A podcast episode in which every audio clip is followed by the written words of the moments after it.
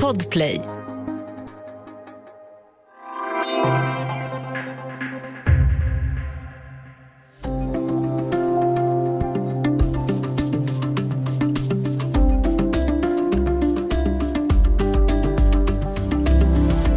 En 32-årig läkare och familjefar i Göteborg faller ihop hemma efter att ha kräkts och haft svår huvudvärk. Dagen innan har han skadat huvudet och nacken under en fotbollsträning.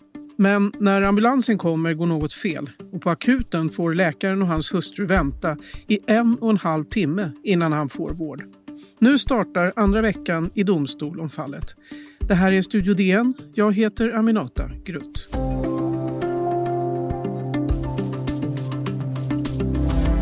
Man har använt helt olämpliga oprofessionella uttryck i journalen. Men vår bedömning är att journalanteckningarna inte har påverkat den medicinska vården av patienten. Ja, den ni hörde här det var Lina Kolsmyr, Västra Götaland-regionens chefsjurist från en intervju i Sveriges Radio. Vi har med oss DNs reporter Kristina Hedberg som följer rättegången. Välkommen! Tack så mycket! Du har ju träffat parterna. Vad är det regionens jurist pratar om här? Ja, de här olämpliga formuleringarna hittar man i en ambulansjournal som upprättades då i samband med att eh, den här mannen hämtades i hemmet. Och då står det där eh, att personen spelar medvetslös och eh, kulturell svimning? frågetecken eh, är en notering som görs. Och de där två formuleringarna står ju i centrum för den här eh, processen i Göteborg. Mm. Eh, vad är en kulturell svimning och eh, vad fick det för konsekvens att han misstänktes spela medvetslös? Det visade ju sig att den här 32-åringen var drabbad av en svår hjärnblödning. Ja, det här med kulturell svimning är ju knappast någon diagnos som existerar, eller hur? Nej, det, det, är ju en, en, formulering som alla idag tar avstånd från, även den person som skrev formuleringen en gång i tiden. Men han har i och för sig i tidningsintervjuer eh, sagt att eh, det är ett begrepp som han eh, har varit med om och hört från andra också. Men det finns ingen, det absolut ingen medicinsk diagnos. Och som sagt, all, alla ångrar att det står där idag, även han. Ja, men han har uppfattat det som att det här var någonting som, som var vedertaget helt enkelt, eller? Nej, alltså han, han har ju sagt i rätten att han funderar på om den här personen kanske förstärkte situationen av någon anledning. Och han ville liksom notera det, eh, på, och då valde han det här, de här orden. Han ångrar det uttrycket. Om vi kort ska sammanfatta, det här rättsfallet handlar alltså om en svart muslimsk familj i Göteborg. Eh, hur har rättegången varit hittills? Har det varit mycket känslor eller har det varit väldigt torrt och sakligt? Eh, både och, verkligen. En kombination. Det mesta har varit extremt torrt och sakligt. Det har handlat om rutiner för att koda en patient röd, orange eller gul och vad det får för konsekvenser. Och det har handlat om exakta blödningsmönster i hjärnan och så vidare. Det har varit väldigt, men och framförallt väldigt mycket styrdokument, rutiner. Därför att Diskrimineringsombudsmannen hävdar ju att den här noteringen, det som började då i hemmet när personen eventuellt misstänktes överdriva eller spela, fick till konsekvens att vården sen inte heller tog situationen på det allvar som man skulle ha gjort. Så därför, och, och parterna är helt oense om allt. Så därför gås varenda liten liksom, formalia igenom. Och det är ju lugnt, sakligt, nästan overkligt distanserat från det som faktiskt hände. Men kombinerat med det så har det ju varit en uppspelning till exempel av larmsamtalet eh, när änkan ringer SOS Alarm. Numera änkan ska jag säga. Då var hon ju då gift med mannen som låg på golvet i vardagsrummet. Det var extremt känsligt Eh, vi fick inte vara med då, utan det spelades upp eh, för lyckta dörrar, men när vi återkom så, så torkades det tårar och så. Eh, vittnesmålet från henne, änkan, har ju, var ju också extremt starkt och känslomässigt. Och även då förhöret med eh, ambulanssjuksköterskan blev spänt och laddat på många sätt. Eh, en, en svår situation för, för honom såklart, att eh, komma dit och möta den här eh, kvinnan igen. Eh, medveten om, om hur det gick sen de såg sist och eh, väldigt laddat för henne. Så att det har varit både och. Vad sa hon, eller vad säger eh, änkan här nu, har, alltså om själva situationen? Hur uppfattade hon den? Ja, hon uppfattar den från, från att eh, ambulanspersonalen kliver in i deras lägenhet så uppfattar hon att ingen lyssnar på henne, att hon inte är värd att tas på allvar. Hon pratar ju en...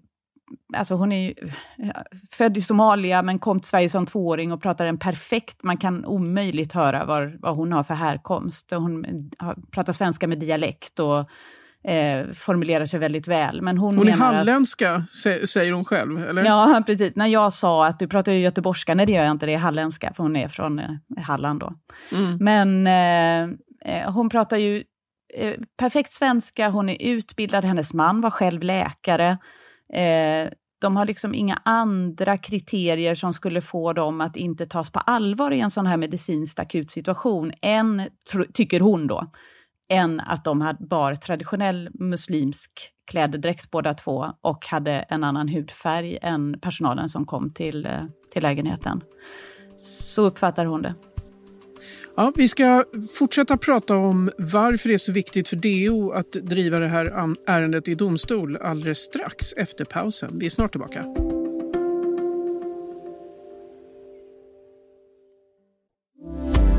Vi har ju menar att det här hänvisningen som då finns i journalen, att det här eventuellt skulle vara fråga om kulturell svimning, att det är eh, någonting som man inte hade skulle skri, skrivit om en, en person som, eh, som inte var svart och som inte var muslim och, och, och som kom från Sverige. Då, ursprungligen.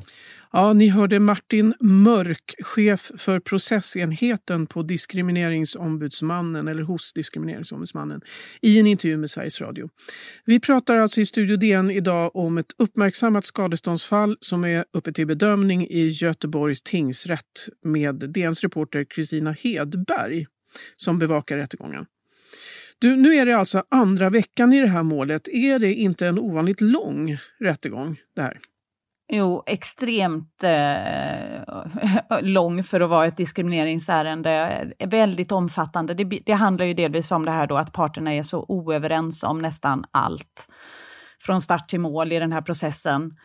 Eh, vid sidan av den det är då faktum att ingen vill stå bakom den här formuleringen med kulturell svimning och spelar medvetslös längre. Men eh, därifrån så är man så oense. Det är extremt ovanligt. För, från DOs sida är det också ovanligt att man har det nedtecknat svart på vitt, en sån här formulering som är då, eh, som handlar om kultur. Eh, nästan alla diskrimineringsmål handlar ju annars om mentala processer där man får försöka förstå hur folk har tänkt och resonerat och vad de... Det kan vara stämningen i ett rum, det kan vara antydningar, väldigt mycket outtalat. Men det här är lite speciellt för det att faktiskt ha en, en eh, journalanteckning. Mm. Här finns det svart på vitt helt enkelt. Ja, precis. Det är ett kännbart skadestånd också som DO begär, 800 000 mm. kronor. Är det ovanligt mycket? Det är, är, högt och jag ska säga också att det, det liknar ett skadestånd men i diskrimineringsmål så, så heter det diskrimineringsersättning och anledningen till att man ska skilja det från vanligt skadestånd är att syftet är liksom både att ge eventuell upprättelse åt den som har diskriminerats men det är också tänkt som en avskräckande faktor, alltså ett straff för den som i så fall har diskriminerat. Så det är två, ett tvådelad eh, summa där som riktar sig åt två håll. Och, och DO kräver 845 000, där 600 000 handlar om dödsboet efter mannen som numera inte lever och eh, resten är till änkan som eh, också anses diskriminerad i form av anhörig. Då. Vad kan det få för konsekvenser på lite längre sikt det här då om regionen blir dömd att betala? Mm. Det finns inget annat som krävs av eh, regionen efter en så, om det skulle bli så här att eh, tingsrätten finner att diskrimineringsombudsmannen, eh, att det här målet håller, liksom, att det är diskriminering. Eh, regionen har också redan infört nya rutiner och haft utbildningar och så vidare. Men, men DO har inte heller, skulle aldrig haft rätt att utdöma något sådant, utan det är det här eh, det kännbara straffet i form av pengarna då som ska få dem att inte vilja upprepa en sån här situation. Mm. Det blir alltså inga konsekvenser heller för den här ambulanssjuksköterskan? Nej, det har redan prövats internt på regionen och man har gått igenom journaler för att se om det här liksom finns eh, var extremt på något sätt. Eller, och det, ja, han har ju tagit avstånd från det och så vidare. Så nej, eh, det blir det inte. Och det här är ju inte riktat mot en person, det är riktat mot en organisation. Alltså diskrimineringen är, den, den tar avstamp i den där formuleringen, men sen hävdar ju DO att det har lett till en fortsatt diskriminering i alla led fram för vården av den här mannen. Mm. Och där ska man säga att Västra Götalandsregionen hävdar ju att den här mannen faktiskt fick minst lika snabb, kanske snabbare vård än en eh, medianpatient på akuten med liknande symptom. Eh, Västra Götalandsregionen vill också vara noga med att säga att det här var en, en extremt svårfunnen diagnos, en väldigt ovanlig typ av hjärnblödning, symptomen var atypiska. Eh, så att, och ingen hävdar ju att hjärnblödningen berodde på regionen. Alltså det var en medfödd bristning Eh, en fotbollsmatch. Där var regionen inte inblandad i själva det, utan det är ju bedömningen sen och hanteringen och, och brådskan. Liksom. Ja. Och här kan man ju definitivt säga att eh, en och en halv timmes väntan på akuten när man har en hjärnblödning är kanske inte vad man normalt förväntar sig. Och det är ju det som Diskrimineringsombudsmannen också biter sig fast vid. I stämningsansökan skriver man att mannen har inte fått livsavgörande akut vård i tid. Precis, men, men det är en av de sakerna då som regionen säger emot. Mm. Ja, eh, det här fallet har ju fört med sig en förnyad diskussion kring diskriminering inom vården. Det har ju varit uppe till debatt tidigare, men hittills inte i en domstol. Eh, ser du någon, någonting positivt med det, även om det här fallet är väldigt tragiskt? Jag vet inte om jag är människan som ska uttala mig om det. Jag tycker det, är ett, eh, det har varit ett väldigt spännande fall att följa. Det ska bli väldigt spännande att eh, gå in i den här veckan och höra hur det landar i slutpläderingarna på onsdag. Eh, det är väldigt intressant att, att få höra alla sidor här i detta. Mm. De här slutpläderingarna som du talar om, de blir väldigt långa förstod jag det som hela rättegången har ju tagit eh, enormt lång tid och alla har dragit över i tidsschemat. Så att eh, det är ju viktigt för alla här att få att gå till botten med allting och det har de fått göra och väldigt sällan blivit avbrutna av rättens ordförande och så vidare. Så att det, ja, det, det, det kommer att ta tid. Går det redan nu att göra en bedömning av om det blir en fällande dom? Vad tycker du som har följt rättegången här? Nej, jag kan inte säga det faktiskt. Jag tycker att, jag vet att eh, Diskrimineringsombudsmannen tycker att eh, processen har gått deras väg eh, än så länge. Men eh, det kan ju också vara saker man säger för att positionera sig väl i media och så vidare. Ja, eh, det har ju varit, eh, om man ska bara gå på de vittnesmål från de två första människorna som var med i situationen överhuvudtaget, kvinnan och ambulanssjukskötaren, eller sjuksköterskan, eh, så var ju hans vittnesmål ganska motstridigt och vagt och han mindes inte så mycket av de exakta situationerna medan hennes var extremt detaljerat och eh, exakt återgivet i, i upplevelsen av det. Mm. Eh, men det där kan ju handla också om personligheter och så vidare, så att eh, rätten måste ju gå på på flera, flera saker. Och som sagt, den, den första situationen är bara starten av det här målet. Eh, diskrimineringen påstås ju liksom ha varit eh, genomgående i alla led sen. Så att det, mm. det är mycket som ska bevisas. Ja, vi kan väl kanske bara konstatera att DO, alltså Diskrimineringsombudsmannen, brukar inte gå till rättegång om man inte anser att man har ett väldigt starkt case att jobba med.